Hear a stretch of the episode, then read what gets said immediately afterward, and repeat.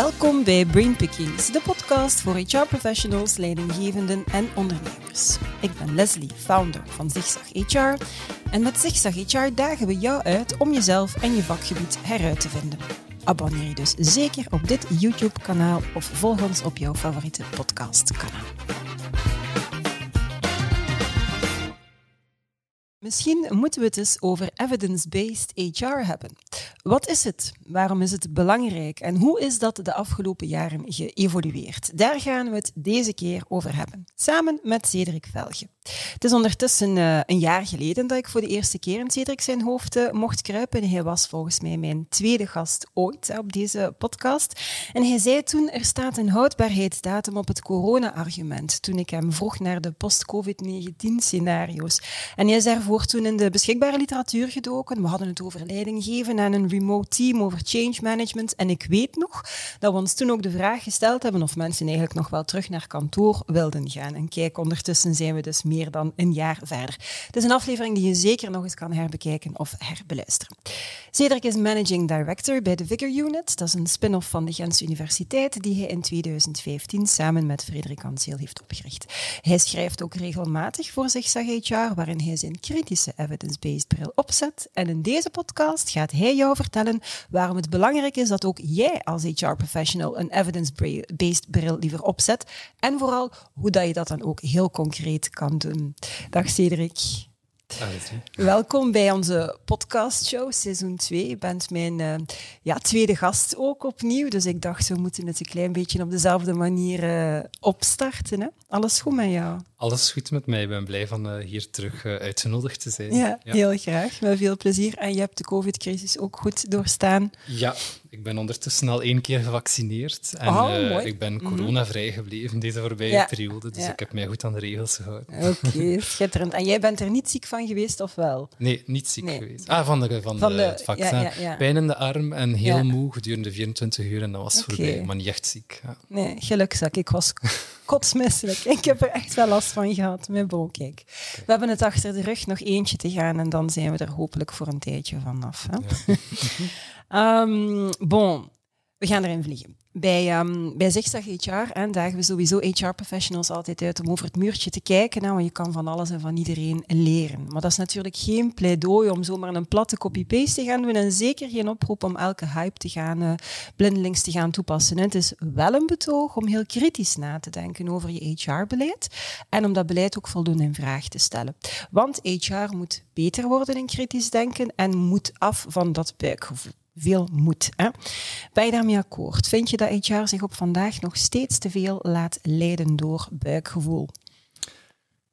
Misschien niet het antwoord dat je zou verwachten, maar ik denk dat dat mhm. wel meevalt. Okay. dus, uh, als je kijkt, buikgevoel, dat wil zeggen intuïtie. En als je dan kijkt in de vandalen uh, wat dat betekent, uh, intuïtie, wat dan is één definitie, eigenlijk tot een inzicht komen of tot een besluit komen zonder nadenken. Mhm. Ik denk dat de HR wel degelijk nadenkt.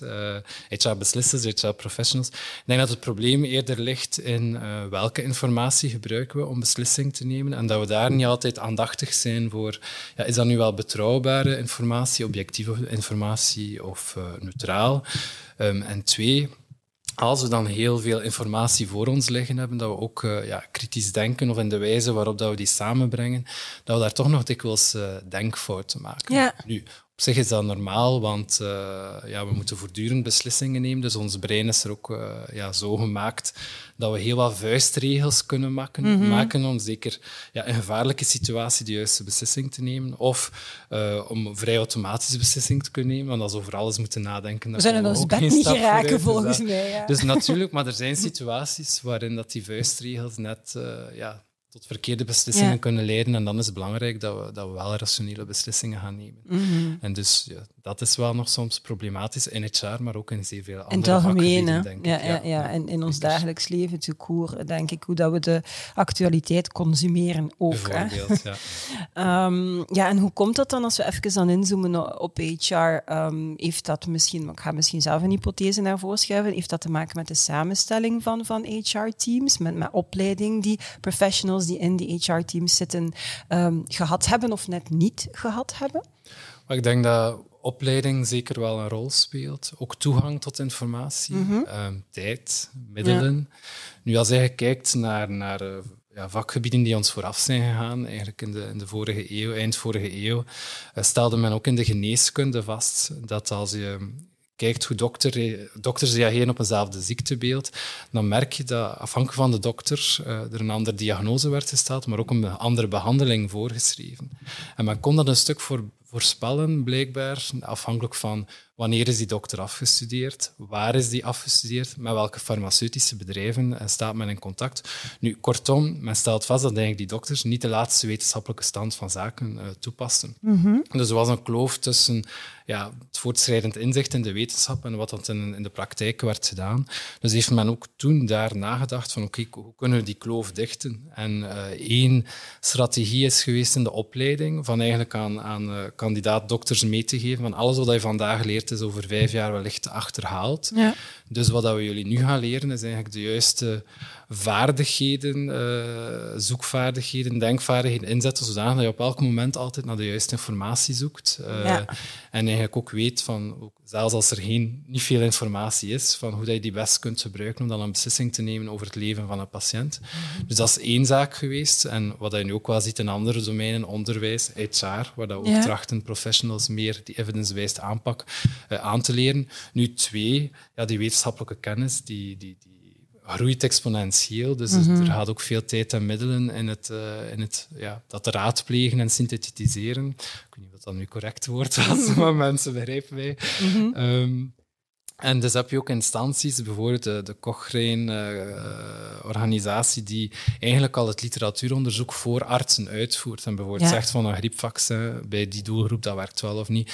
Eh, maskers, dat is wel of niet zinvol. Eh, de covid-vaccins zijn wel of niet zinvol. Eh, social distancing. En zo, dus die doen al het stuk het literatuuronderzoek, zodanig dat de dokters ja, wel op de patiënten kunnen focussen. Ja. En ik denk ook in HR eh, of in management in het algemeen hebben we meer instanties nodig die ja, de kennis eh, ja, een stuk gaan gaan monitoren en dan vertalen naar de praktijk toe. Want ja, we moeten al zoveel doen als eh, Ja. manager of als HR-professionals. Dus we kunnen inderdaad niet hele dagen eh, achter de computer zitten om papers te lezen. Nu, dat doen wij dan. Ja, voilà, zo, zo zijn de zaken netjes geregeld. Maar het, het, het, het klopt inderdaad dat het, ehm, ja, dat het volgens mij zeer zinvol is om in, in, in, in de drukke omgeving waar dat we allemaal hè, in, in, in werken en leven, dat er instanties zijn, partijen zijn die in die veelheid van informatie daar ergens een beetje een filter gaan opleggen, maar dan effectief een kritische evidence-based filter, zodanig dat je makkelijker die rationele en makkelijker beslissingen kan nemen. Ik denk dat dat geen overbodige luxe is in het leven te court. En dat er iemand is of iets is dat, dat u daarbij helpt. Ehm, ik wil graag inzoomen op het begrip evidence-based HR, want we gebruiken dat, dat woord heel veel. Wat moeten we daar eigenlijk concreet onder verstaan? Wat houdt dat in? In essentie komt het erop neer dat we informatie gaan gebruiken om beslissingen te nemen. Nu, iedereen gebruikt informatie als hij om even welke beslissing neemt. Ik denk dat het grote verschil eh, is bij evidence-based versus een minder evidence-based aanpak, is dat we heel expliciet gaan nadenken over welke informatie we nodig hebben op welk moment. Ehm, ook heel systematisch daarnaar op zoek gaan, zodanig dat we zeker geen informatie missen, maar dat we eigenlijk alle invalshoeken hebben bekeken, alle mogelijke informatie hebben gevonden. En ook daar heel oordeelkundig mee omgaan. Dus echt kritisch nadenken over ja, welke informatie is nu betrouwbaar, uh, hoe relevant is die, uh, enzovoort. Nu, informatie blijft dan misschien een vaag begrip. Dus eigenlijk zijn er altijd vier informatiebronnen die worden geassocieerd met evidence-based management. Mm -hmm. ja, de eerste dan, de, de, bekende, is de wetenschap. Maar ja. dat is eigenlijk maar één van de vier bronnen die we gaan raadplegen. Mm -hmm. Nu, bij de wetenschap is het belangrijk dat we niet gewoon één studietje uh, Die ons gelijk opzoeken. bewijst. Voilà, want voor elke studie die A zegt, kunnen er tien zijn die B zeggen. Dus het is belangrijk dat we een representatief beeld hebben van dat onderzoek. Nu, twee, we gaan ook nog altijd kijken naar onze eigen expertise. Of de expertise van collega's. Het komt er gewoon op aan dat we op verschillende manieren uh, ja, eigenlijk gaan nadenken over ja, wanneer kunnen we echt op die expertise afgaan en wanneer niet. Dus wanneer mm. is die betrouwbaar, wanneer niet. Een derde is natuurlijk de data. Data is uh, alomtegenwoordig ook in HR. Uh, en, en dat wordt ook als een bron gezien, een kennisbron die je kunt gaan aanwenden. Dus, dus alles die te maken heeft met ja, zowel kwantitatieve als kwalitatieve data, statistische analyses enzovoort, is die derde bron. En vier, dan zijn uw stakeholders. Ja. Dus afhankelijk van de beslissing kunnen dat verschillende mensen zijn. Natuurlijk, als we over HR spreken, is dat heel vaak de directie, de vakbonden, de werknemers. Dus dat zijn ook groepen die we gaan moeten raadplegen. Want een beslissing mag nu nog zo onderbouwd zijn volgens de wetenschap. Ja, als die stakeholders die beslissing niet genegen zijn, dan zal dat waarschijnlijk toch niet goed, uh, goed, uh, goed lopen. Ja, ja oké. Ik vind het inderdaad een zeer zinvolle, want ik had toevallig nog een... Klein echtelijk debat uh, met mijn partner over evidence-based. En ik, ik merkte dat bij hem, en hij zal zeker niet de enige zijn daarin, die, die dat uitsluitend associeert met onderzoek. Mhm. Evidence-based is gelijk aan onderzoek en die die drie andere informatiebronnen inderdaad uh, een beetje over uh, het hoofd ziet. Um, toen ik nog directeur was bij het VOV, de Vereniging voor uh, Learning and Development Professionals, hebben destijds Denise Rousseau als uh, keynote speaker ontvangen. Ik denk dat Frederik Anseel daar toen ook nog wel bij was. Um, en dat was voor mij eigenlijk de eerste keer dat ik echt met evidence-based management in contact ben gekomen. Dan jaren later ons veelbare denken van Daniel Kahneman gelezen. Ja, ik vraag me dan af, jij die daar nu uw werk hè, van gemaakt hebt, hoe ben jij er destijds mee in uh, aanraking gekomen en waarom is dat nu zo ja, de rode draad in alles wat, wat je doet. Ik heb daar straks nog een keer de exacte uh, periode uh, opgezocht. Nu, het is zo... Um, uh, ja, in mijn laatste jaar van mijn opleiding bedrijfspsychologie liep ik stage bij een welgekend West-Vlaams bedrijf. En op het einde van mijn stage was daar een vacature. En ik dacht van, oh, ik wil daar toch wel blijven werken. Dat lijkt mij een goede begin van mijn loopbaan heb ik gesolliciteerd en ja, had ik die job. Nu, dat betekende dat ik uh, mijn opleiding nog moest afmaken in combinatie uh, met die job. Mm Dus ik had nog vakken in het tweede semester, ik had nog een thesis af te werken. Nu, ik kon dan het statuut van uh, werkstudenten aanvragen en dat zorgt ervoor dat je bijvoorbeeld voor groepstaken een individuele opdracht ja. kunt vragen. En zo, ik had toen het vak consultant, die toen gegeven werd door professor Frederik Ansiel, die ik toen nog niet kende, nog nooit ontmoet had. Mhm. Ik denk dat het eerst van zijn eerste jaren was dat hij, dat hij prof was aan de UGent. En ik had hem dus gemaild en ik keek van, ja, kijk, uh, ik ben beginnen werken, mag ik een, eh, een alternatieve opdracht krijgen? En hij heeft mij toen uh, effectief een opdracht gestuurd en hij zegt van, oké, ik wil nu dat je een bepaald proces, HR-proces kiest in, bij je werkgever en dat je dat onderwerpt aan een audit, dat je echt een mhm. SWOT-analyse gaat doen, maar dat je heel kritisch gaat kijken naar wat zijn de sterke, sterke punten of zwakke punten, maar vanuit de wetenschap en ook vanuit de wetenschap oplossing, oplossingen gaat voorstellen. En hij verwees dan onder andere naar een aantal artikelen over evidence-based management. En hij zei dus, je moet een evidence-based uh, oplossing uitwerken. Dus dat was de eerste keer dat ik met dat woord uh, in contact breng. Dat was toen een artikel bij van Denise Rousseau. Dus dat was in februari 2008. Dus de, die bewuste mail waarop ik die uh-huh. opdracht kreeg. En Denise Rousseau had het voor het eerst een wetenschappelijk artikel rond evidence-based management gepubliceerd in 2006. Dat was ook het jaar dat het boek uitkwam van Pfeffer en Sutton. Mm-hmm. Die naast ja, de Rousseau is wat de, godmother of evidence-based zij zijn zo wat de godfathers. Um, dat is toen, ja, eigenlijk toen die dingen ook gelezen. En voor mij was dat zo'n beetje ja, de aha-erlevenis van, ah ja, oké, dat is zo logisch. En, en dan mhm. was het voor mij duidelijk van, oké, de rol die ik kan innemen uh, vanuit mijn opleiding is eigenlijk trachten ja, de wetenschappelijke kennis dichter bij de praktijk te brengen. En dus dat was dan voor mij zo heel duidelijk. Dus, uh, maar dat was de eerste kennismaking. Wauw, de missie was geboren. En volgens mij zit dat dus ongeveer in diezelfde periode. Want als ik hoor 2006, 2008, dat ik toen bij VOV zat. Um, ik zou een keer moeten kijken, want eerlijk gezegd de jaren. En de, maar Frederik Anseel was daar toen ook de rode draad. Want ik denk dat hij er zelfs mee voor gezorgd heeft dat ze naar het VOV kwam. Omdat hij haar volgens mij ook naar België heeft gehaald. Toen, enfin, ik weet de details niet meer, maar daar zit dus wel duidelijk een, uh, een, uh, een, rode draad in. Dus dat was voor jou het begin van jouw -hmm. Missie, mm -hmm. waar ja, je vandaag nog mee, uh, mee, bezig bent. Um, en op vandaag inderdaad helpen jullie met de Figure Unit, HR-teams met evidence-based adviezen. In jullie consortium kunnen ze leren uit wetenschappelijk onderzoek, onderbouwde inzichten verwerven, ervaring en kennis delen. Eigenlijk om op die manier gewoon betere HR-beslissingen te kunnen nemen. Wat ik me dan afvraag is, hoe kan je er nu als HR professional, voor de mensen die nu luisteren, hoe kan je daar nu zelf mee aan de slag? Is daar een soort, ja, ik weet niet, handleiding voor, waardoor dat je ziet dat het een onderbouwde um, oplossing is, uh, of dat het eerder pseudowetenschap is? Hoe, mhm. kan je daar... Maar ik denk in de eerste plaats wil ik meegeven aan mensen van blijf vooral doen wat je al doet. Mm -hmm. In die zin dat men nu al uh, zeker informatie opzoekt. Men koopt tijdschriften, boeken enzovoort. Uiteraard. Uh, men, men, denkt daar ook over na, men discussieert daarover in groep. Dus dat moet je vooral uh, blijven doen. Ik denk mm. wat je nog meer kan doen, is uh, heel bewust kijken naar het beslissingsproces. En daar ja. gaat zien van, oké, okay, hoe hebben we nu ons probleem geanalyseerd? Welke bronnen hebben we geraadpleegd? Hoe hebben we beslist of dat die informatie nu relevant was of niet? Of dat die wel betrouwbaar is? Als we oplossingen identificeren, hoe hebben we... Ja, welke informatie hebben we geraadpleegd om te zien of dat wel goede oplossingen zijn. Dus er is een heel uh, stappenplan uh, beschreven van probleemanalyse over uh, ja, de, evalueren tot het einde. Op evalueren is eigenlijk een welgekende stappenplan dat we mm -hmm. alles wel zien. En dan die vier verschillende bronnen dat je moet raadplegen. Nu, dat vraagt wel tijd en extra inspanningen. Dus uh, voor mensen die luisteren om een aantal quick fixes te zien, dat die moet ik onthogen. Dat, ja, dat zou, zijn er niet. Ja, dat, dat zou vrij paradoxaal zijn. Dus dat betekent dat je effectief wetenschappelijk onderzoek zal moeten raadplegen, dat je data statistisch gaat moeten analyseren, dat je mensen had moeten interviewen, focusgroepen organiseren en mhm. dergelijke. Nu, oftewel doe je dat zelf als organisatie, oftewel kun je dat een stuk uitbesteden. Dus mhm. er, er, zijn verschillende manieren om, om, om daarmee om te gaan, natuurlijk. Ja. Nu, voor, voor, mensen die toch het concreter willen bestuderen, uh, ja, ik verwijs altijd door naar dit boek. Dat is het boek mhm. van uh, het Center for Evidence-Based Management.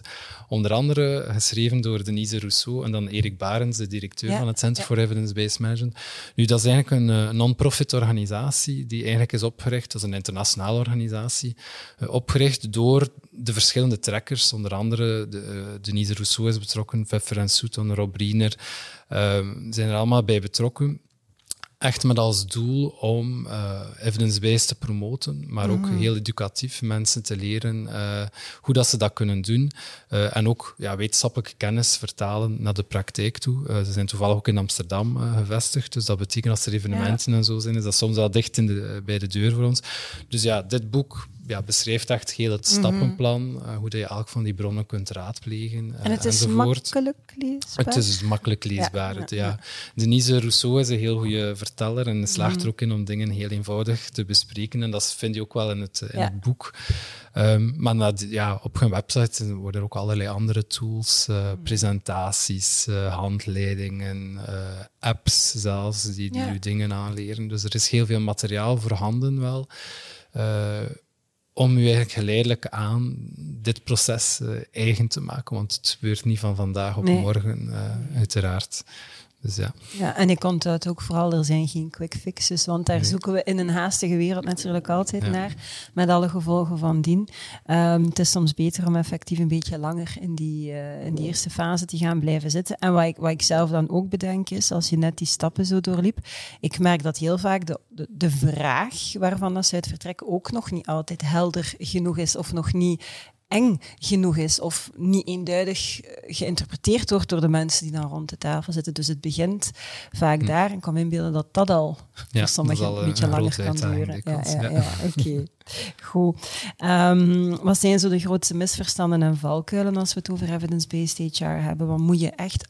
Moet je nu echt alles kunnen bewijzen? Ja. Maar ik denk, ja, er zijn verschillende misverstanden, maar ik wil graag terugkomen op die waar, ja, waar je hebt vrezen dat je echtgenoot Ja. van gaat dat niet we- leuk we, we, we associëren het met het wetenschappelijk onderzoek. eh, en dat gebeurt nog altijd. Dat, dat evidence-based management betekent dat we in sommige mensen hun ogen van oké, we laten de wetenschap dicteren. Nu, ehm, er zijn situaties waarin ja, oké, dat, de wetenschap een heel duidelijk standpunt toont, maar dan nog, mocht je de wetenschap volgen, dat dat eigenlijk slecht advies zou zijn. Om een voorbeeld te geven, eh, als, als we denken aan individuele financiële bonussen. Het probleem met individuele bonussen is dat eh, ja, dat heeft allerlei neveneffecten. Dat kan voor extra stress zorgen bij je medewerkers. Dat kan ervoor zorgen dat ze vooral aan hun eigen bonus werken en eigenlijk minder samenwerken met anderen, minder kennis en informatie delen. Dat kan ook uitnodigen tot fraude om toch maar de bonus. Ja. Dus over het algemeen ja, raden wij dat eerder af. Nu, in een bedrijf uh, met een groep verkopers die al jaren tegen commi met commissieloon werken, zeggen van schaf dat af, ja, dan is het kot te klein. Mm. dan loopt dat ja. niet goed af nee. en dan gaat de omzet van dat bedrijf ook heel uh, sterk dalen. Ja. dat advies, advies, van ons heel veel geld gekost hebben. maar dus nee, dus daar... Uh, ja, moet je rekening houden met je stakeholders. En dus dit is een groep die vraagt voor een commissieloon. Ze zijn dat gewoon, ze pakt dat niet zomaar weer af. Bedrijven die dat, die keuze nog niet gemaakt hebben, daar kun, zij kunnen wel twee keer nadenken voor, Ja, ja, voordat ze zo'n individueel... En zo zijn er nog voorbeelden van, van situaties waarin, eh, ja, los van wat de wetenschap zegt, dat eigenlijk uw experts of uw organisatiedata of eh, bepaalde belangen van uw stakeholders eigenlijk duidelijk aangeven van oké, hier moeten we een alternatieve beslissing nemen. En heel soms is er ook geen wetenschappelijke evidentie. Bijvoorbeeld tegenwoordig virtual reality, dat is Ja, ja. eh, hot en dat wordt nu ook eh, gebruikt in de, in de selectie van, van personeel. Dus dat, dat mensen een soort van eh, selectieproef doorgaan in virtual Mhm. reality. En dan krijg ik soms de vraag van, ja, is dat wel wetenschappelijk onderbouwd? Is dat een valide test en zo? Dan moet ik altijd, ja, tot nu toe nog altijd zeggen van, oké, daar is eigenlijk nog niet veel eh, Mhm. onderzoek over. Nu, een, een alternatief is dan dat je nadenkt van, oké, wat is nu eigenlijk het onderliggend principe? En houdt dat wel steek? Wat doet virtual reality? Dat is de realiteit nabootsen. Dat is eigenlijk een soort van simulatie. Mhm. En dan kunnen kijken van, oké, hebben we al op andere manieren simulaties gebruikt in eh, selectie van personeel. Maar dan heb je de situationele beoordelingstest of SIT's, assessment centers. Dat zijn eigenlijk ook simulaties. En daar zien we al van, oké, dat zijn heel valide en relatief betrouwbare eh, instrumenten. Dus kun je dat al een stuk generaliseren naar die VR. En heeft, is dat een indicatie van, oké, het is misschien zinvol om daar wel in te investeren. Eh, maar dan is de boodschap wel nog altijd van, oké, behoed u toch, eh, investeer toch ook in, in onderzoek om te zien van, oké, werkt dat nu Ja. wel voor onze organisatie, ja of nee? Dus, eh, dus ja, dus als er geen evidence is, dan heb je nog altijd die andere bronnen. Ja. Of kun je gaan kijken, wat zijn nu de onderliggende principes of assumpties en is, daar, is er daar misschien wel onder, ja, ondersteuning in de wetenschap? Ja. Oké. Nog valkuilen of misverstanden waar dat je aan Ehm, denkt? Er is ehm, de, ja, heel de hype rond HR Analytics. Dat is enerzijds denk ik een geschenk voor het evidence-based benadering en anderzijds ook een beperking. In die zin dat ik nu soms zie dat er eh, actoren, bedrijven zijn die, die zeggen van ah, wij zijn evidence-based, want wij werken data-driven, dus hebben we hun data Ja. Maar dan denk ik opnieuw, ah, dat is maar één van die bronnen. Eh, dus uw eigen data, oké, moet dat nog zo goed geanalyseerd hebben met, met machine learning en artificial intelligence. Er is ook nog altijd wat dat de wetenschap vertelt. Uw stakeholders eh, en uw andere experts. Dus, dus daar merk ik van, oké, het wordt soms wat, wat misbruikt ook. Eh, en, en, ja, en ook soms met andere partijen die de sterren wat misbruiken. Dan denk ik van, ah, Ja. ik heb erover gesproken met een professor. Ik heb erover gesproken met Frederik Anceel. En, Ah, ja. en vanaf nu is ons aanbod, eh, is, is onze aanbod evidence-based. Ja. Ja. Ik trek het wat in belachelijke, maar Ja, ja, ja. soms Snap merken we wel dat mensen wat de, de kantjes ervan afrekenen. Ja, ja, ja. Ja. zo. Ja, we gaan inderdaad in uiterste, want met dat je nu naar Frederik verwijst, ik denk zo dat ze een keer ergens iets op, nog niet zo lang geleden, op, eh, op sociale media, Twitter of LinkedIn had gepost en iemand zei in welk onderzoek, op welk onderzoek beroept u zich om die uitspraak te doen. En ik denk dat hij daar iets op reageerde van als je nu echt denkt dat ik op elke tweet ga mijn bronvermelding, allee, we schieten een beetje door. Ehm, ik zou willen zeggen, gebruik een gezond boerenverstand, maar wat ik ondertussen al heb geleerd, is dat niet iedereen dat noodzakelijk heeft of gebruikt. Ik weet niet goed welk werkwoord dat ik moet, inzetten hiervoor, maar ehm, vier bronnen vind ik een heel belangrijke. Geen quick fixes vind ik ook een heel belangrijke. Ehm, en als er inderdaad eh, onderzoek is, wil dat niet zeggen dat het, dat het volledig oké is. Vergeet inderdaad die, die, die stakeholders en die andere drie, eh, vier elementen liever, eh, drie elementen liever niet. Ehm, als we dan kijken in Vlaanderen, eh, welke evolutie zie je daar? Is er meer aandacht vandaag voor evidence-based management in het algemeen, bij HR dan in het kader van professionalisering? Of is er vooral tegenstand misschien? Dat is een gevaarlijke vraag, want ik zit er natuurlijk middenin. Mhm. En ik ja, zie dat woord constant. En eh Kahneman zou zeggen, visiatie, what you see is all there is. Dus ik zou dan gebiased kunnen zijn en kunnen zeggen van ja, nee, het, loopt, het, het, het, het ontploft, het is fantastisch. Dus eh, nee. Nu, ik denk dat het traag eh, eh, evolueert. Eh, eh, ik denk helemaal in het begin, het eerste wat ik zag buiten wat ik dan gelezen had van eh, Rousseau en dergelijke, had hij dan... Ja, eigenlijk hadden we in Vlaanderen al eh, heel vroeg, eh, bijvoorbeeld met eh, het boek van Patrick Vermeer, dit jaar Ballon doorprikt, eigenlijk al een eerste eh, partij ook die ons uitnodigt tot kritisch nadenken in HR. Dus dat heeft eh, zeker geholpen. Dan, ja, we hebben destijds verschillende initiatieven genomen met het VOV, uh, in samenwerking met het Center for Evidence-Based Management. Uh, ja, op het moment dat we in 2015 de Vigor-unit oprichten, met als idee van oké, okay, we gaan bedrijven ondersteunen in dat evidence-based proces, we gaan het literatuuronderzoek en de data-analyse voor hen mm -hmm. uitvoeren, zodat ze dat niet zelf moeten doen. Nu, op dat moment wisten wij überhaupt niet of dat, dat leefbaar was. Ik ja. werkte toen nog, uh, ja, denk 80 procent uh, uh, aan de UGent. En ik heb dat heel geleidelijk aan kunnen afbouwen. Ja. Uh, dus, dus dat betekent dat er toch wel een markt was. We hebben ook het consortium, waar dat toch twintig organisaties en niet de minste Mhm. lid van zijn. Dus dat betekent dat er zeker wel een, ja, een kritische massa Ja. dit belangrijk vindt of hierin wil investeren. Um, ik denk de voorbije jaren is, is door een organisatie als Polstok. Mhm. En voor mensen die Polstok niet, niet kennen, ja, zij staan eigenlijk tussen de publieke sector en de HR-leveranciers.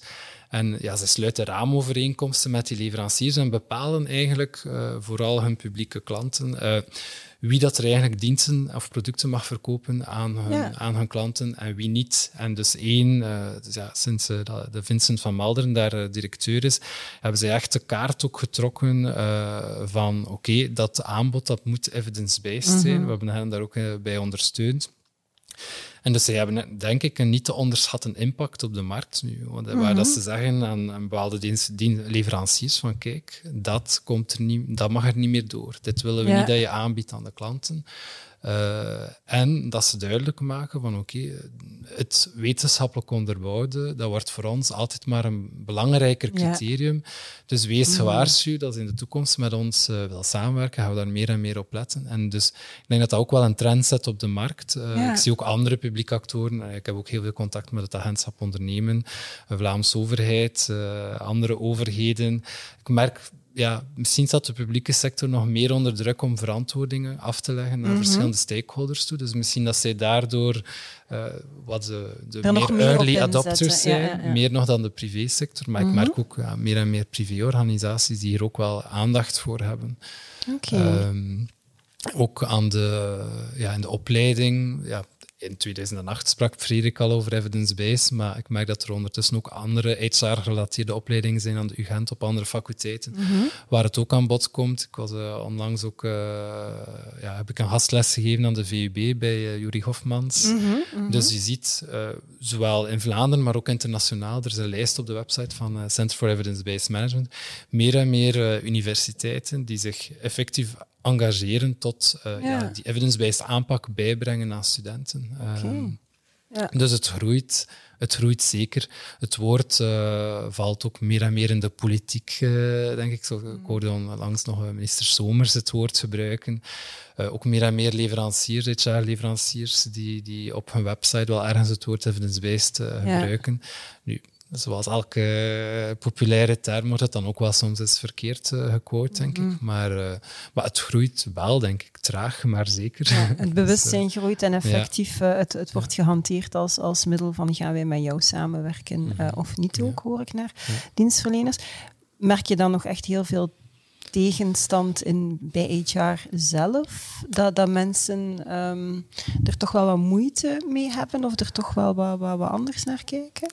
Dat valt eigenlijk goed mee, omdat Mhm. ja, eigenlijk in onze dagdagelijkse werking, als wij een klant adviseren, gebruiken wij het woord evidence-based Mhm. zelfs niet per se. Dus uh, uh, als ik dan voor een directie of een ondernemingsraad uh, ja, onze bevindingen toelicht, con conclusies van ons onderzoek en onze aanbeveling, leg ik ook altijd het proces uit Mhm. die erachter ligt. Dus dan zeg ik van oké, okay, die wetenschappelijke database, aan de hand van die criteria hebben we beslist wat dat wel relevant is, wat niet. Ja. We hebben dan een bepaalde kwaliteitstoets onderworpen en dus te zien van oké, okay, we proberen echt zo volledig mogelijk zijn, zo representatief mogelijk. Uh, wij verkopen ook geen andere diensten, dus we kunnen daar ook op, op ja, objectief of neutraal in zijn. En ik merk dan, meestal is de reactie van, ah ja, Cedric, als hij zegt dat het zo is, dan zal het wel zo zijn. Omdat ze merken dat dat niet mijn eigen mening is, of Nee, onze maar- eigen mening, Mhm. ook als een, een collega's. Dus eigenlijk valt dat heel goed mee. Ik heb Mhm. nog sinds het bestaan van de Vigor Unit relatief weinig weerstand gehad.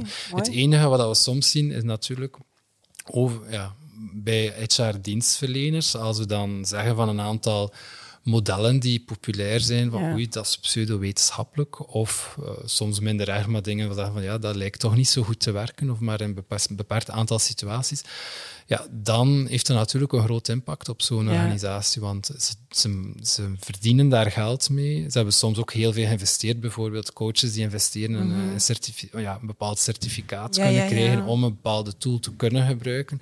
Dus als je daar heel veel geld hebt investeerd en plots zegt er iemand eh, van ah ja, dat is eigenlijk niet zo goed, ja, dan is dat Dan niet er- fijn om ja. te horen natuurlijk. Ehm, maar ik denk dat het belangrijk is dat we daar, ja, dat we daar ook voorzichtig mee omspringen. Ik denk dat iedereen de beste bedoelingen heeft en dat we dan geleidelijk aan zeggen, maar kijk, goed uitleggen, maar kijk, waarom kijken we daar zo naar? En dan iedereen de kans geven om zich geleidelijk aan, eh, ja, aan te passen. Ook alternatieven voorstellen Ja, ja, ja. eh, enzovoort. Dus, eh, Ja. Oké, helder. Ehm, om af te sluiten, Cedric, misschien nog ehm één, twee of drie concrete tips aan HR-professionals of een, een checklist. Dat zou wel super makkelijk zijn dat ze kunnen afvinken, Ja. gewoon om te vermijden dat ze de route toch iets te snel of te ondoordacht of te weinig kritisch met een idee of project aan de slag zouden gaan. Wel, een eerste tip eh, ja, voor heel veel instrumenten, modellen, theorieën, populaire termen, populaire boeken bestaat er wel een Wikipedia-pagina en eh, in verschillende talen. En het voordeel is dat, dat als er het, eh, vanuit wetenschappelijke krit- eh, hoek kritiek bestaat op een bepaald concept of instrument, dan is dat vaak ook vermeld op Wikipedia. Ik zeg nu niet dat dat de meest betrouwbare bron is, maar daar zit toch een zekere dynamiek eh, achter. Dus dat kan dat is misschien wel een quick fix. Dat kan soms rond bepaalde concepten al iemand heel snel laten zien van, ah ja, oei, Van, oei, misschien ja. klopt dat toch niet wat dat die eh, spreker of wat dat die consultant of iemand anders eh, vertaald heeft. Dus check Wikipedia, zou ik zeggen. Dat is ook- als je boeken leest, ehm, ja, denk een, een, goed managementboek of zelfhulpboek, of hoe je het ook wilt noemen.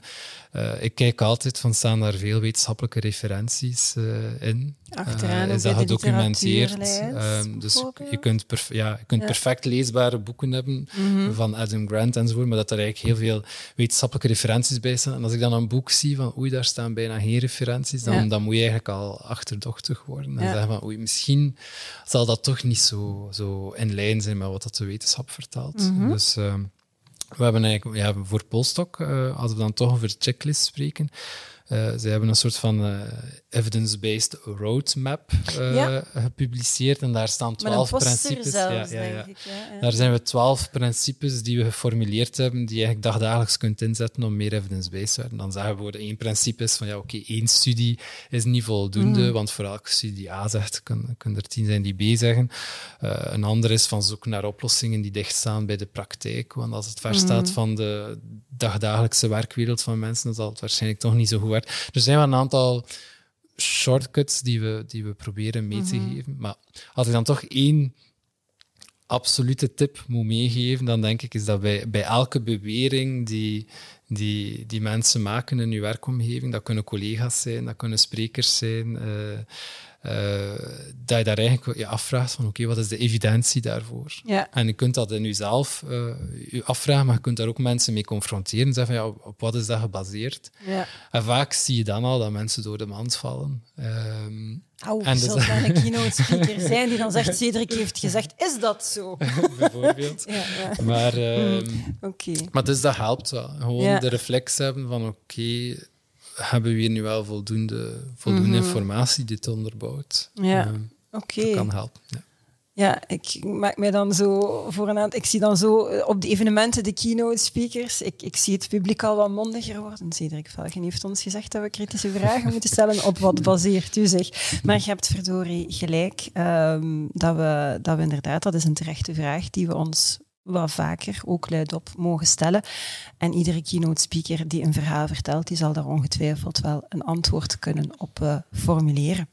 Goed, super. Ehm, Ik denk dat we er zijn, Cedric. Ehm, ik wil jou heel erg hartelijk bedanken dat ik eh, een tweede keer in jouw hoofd mocht eh, kruipen. Graag Dat was gedaan. eh, opnieuw zeer boeiend. Dus heel fijn dat ik, dat ik jou als tweede gast van het tweede seizoen mocht, mocht hebben. Um, voilà, zie, het zit, er, eh, het zit er alweer op. Binnenkort komt er weer een nieuwe aflevering aan. Dat wil je natuurlijk voor geen geld ter wereld missen. Je moet je dus zeker en vast abonneren op deze podcast, op ons YouTube-kanaal. Je mag kiezen op welk kanaal je ons volgt. En je moet het vooral aan zoveel mogelijk mensen verder vertellen. Je kan ons ook op LinkedIn volgen als je graag dagelijkse updates hebt met de coolste HR-professionals. Die abonneren zich natuurlijk op ons fantastische tijdschrift. En wie weet kruip ik dan binnenkort ook eens in jouw hoofd. Het allerbelangrijkste weten jullie nog van het vorige seizoen. It's a great time to be in HR. Tot de volgende.